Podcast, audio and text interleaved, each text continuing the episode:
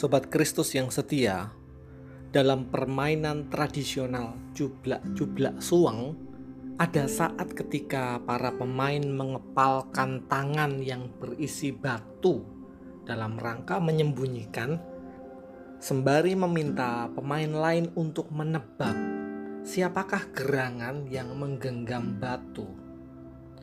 Menggenggam berarti memegang dengan tangan terkepal dalam rangka menandai kepemilikan, menguasai, mengontrol, atau mengamankan sesuatu.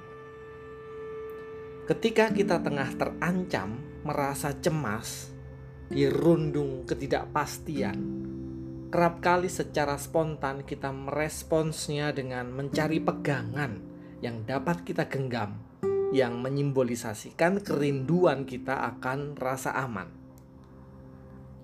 Di dalam perumpamaan tentang talenta yang terdapat di Matius pasal 25 ayat 25, sang hamba mengungkapkan bahwa ia merasa takut sehingga ia memilih menyembunyikan talenta ke dalam tanah. Saya membayangkan bahwa ia menggenggam talenta yang diberikan oleh tuannya dengan perasaan cemas dan takut yang begitu besar. Lalu, sambil memastikan bahwa tiada seorang pun yang tahu, ia segera menggali lubang untuk mengamankan dan menyembunyikan talentanya.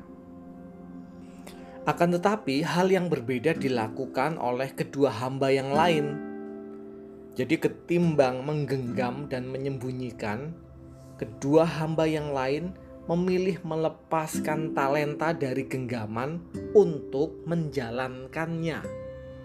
Yang dimaksud dengan menjalankannya adalah menggunakannya untuk berdagang. Sobat Kristus yang setia, tindakan melepaskan talenta semacam ini jelas mengandung resiko sebab mereka harus siap menanggung resiko rugi. Jauh lebih aman untuk menyimpan dan menggenggam ketimbang melepaskan.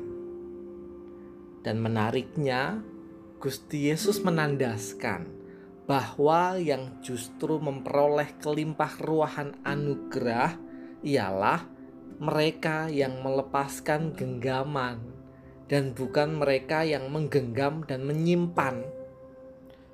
Sebab kedua hamba yang melepaskan talenta justru mendapatkan keuntungan, bahkan ditambahkan sehingga mengalami kelimpahan. Sobat Kristus yang setia, benar memang bahwa kita terkadang harus menggenggam dalam rangka menyetir, dalam rangka mengontrol, mengamankan, dan mengendalikan. Namun, pada momentum tertentu ingatlah untuk melepaskannya supaya diri kita tidak melekat dengan apa yang kita genggam. Benar memang bahwa rasa sedih, kecemasan terhadap kondisi pandemi, keprihatinan terhadap keberadaan sosok yang kita cintai, penderitaan yang disebabkan oleh sakit, penyakit, dan kondisi hidup yang serba menurun serta terbatas – harus kita genggam dalam rangka kita sadari dan kita akui. Akan tetapi, jangan lupa untuk melepasnya, sebab kelimpah ruahan anugerah Tuhan justru akan melingkupi ketika kita melepaskan genggaman.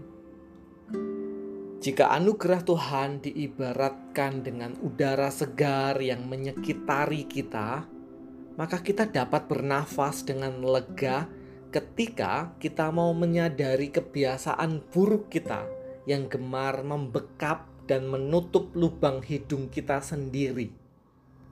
Maka, mari belajar menggenggam untuk melepaskan, supaya kelimpah ruahan anugerah dan kedamaian Tuhan secara leluasa memenuhi batin kita. Amin. Mari kita bersama berdoa. Sungguh Tuhan kiranya Sang Roh Kudus mengajarkan setiap kami serta membimbing supaya kami boleh memahami bahwa kunci untuk mengalami kelimpah ruahan terletak pada kesediaan untuk mengosongkan dan melepaskan diri dari segala sesuatu selain Tuhan. Dalam nama Allah Bapa Tuhan Yesus Kristus dan Sang Roh Kudus. Amin.